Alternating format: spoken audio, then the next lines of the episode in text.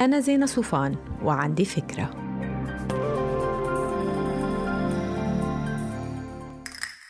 هاي مرة إجت لعندي صديقة زمان أيام ما كنت عايشة لحالي فتحت البراد وصابتها الصعقة العجيبة إنه ما في غير علبة لبنة وزيتونتين يمكن.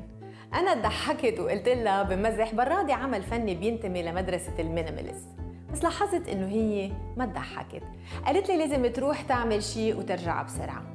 وإذ بترجع بعد ساعة حاملة نص السوبر ماركت وبتعبي لي البراد صديقتي توفي والدها هي وطفلة ومرقت عليهم أيام هي وأمها وإخواتها ما معهم مصاري يعبوا البراد.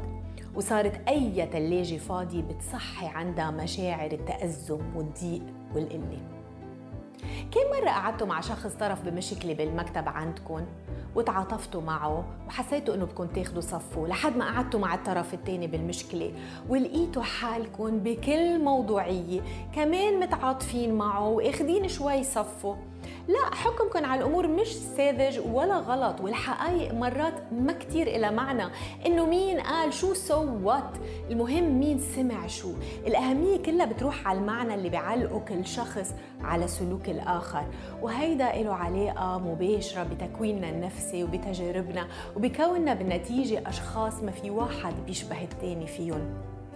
لما توقعوا بسوء تفاهم أو اختلاف أو مشكل اللي هو كنسوا بسرعة كل الحقائق من مفردات جارحة أو غيرها وتقمصوا أول ما تروقوا شخصية الآخر اللي عملها أو قالها. لا لا ما تحطوا حالكم محله أو بنفس موقفه. شيلوا حالكم من الصورة تماما. فوتوا جوات شخصيته. كونوا هو. لتشوفوا من منظوره الشيء اللي هو شافه. وتسمعوا من البرسبكتيف تبعه الشيء يلي هو سمعه. وإذا حسيتوا معه وحبيتوا تقلبوا الصفحة ما تصالحوه مثل ما بتحبوا الناس يصالحوكم أنا مثلا بحب المطولات والحكي والشرح والاستفاضة بالمشاعر. بس كتير مرات لما بصالح حدا بختصر على الآخر مش لأن ما عندي شي أقوله وإنما لأن مرات الناس التانية ما عندها رفاهية المطولات.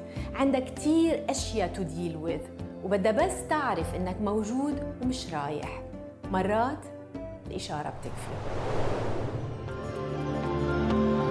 ما تنسوا تعملوا داونلود للفكرة تعطوها ريتنج وتساعدوني بنشرة. باي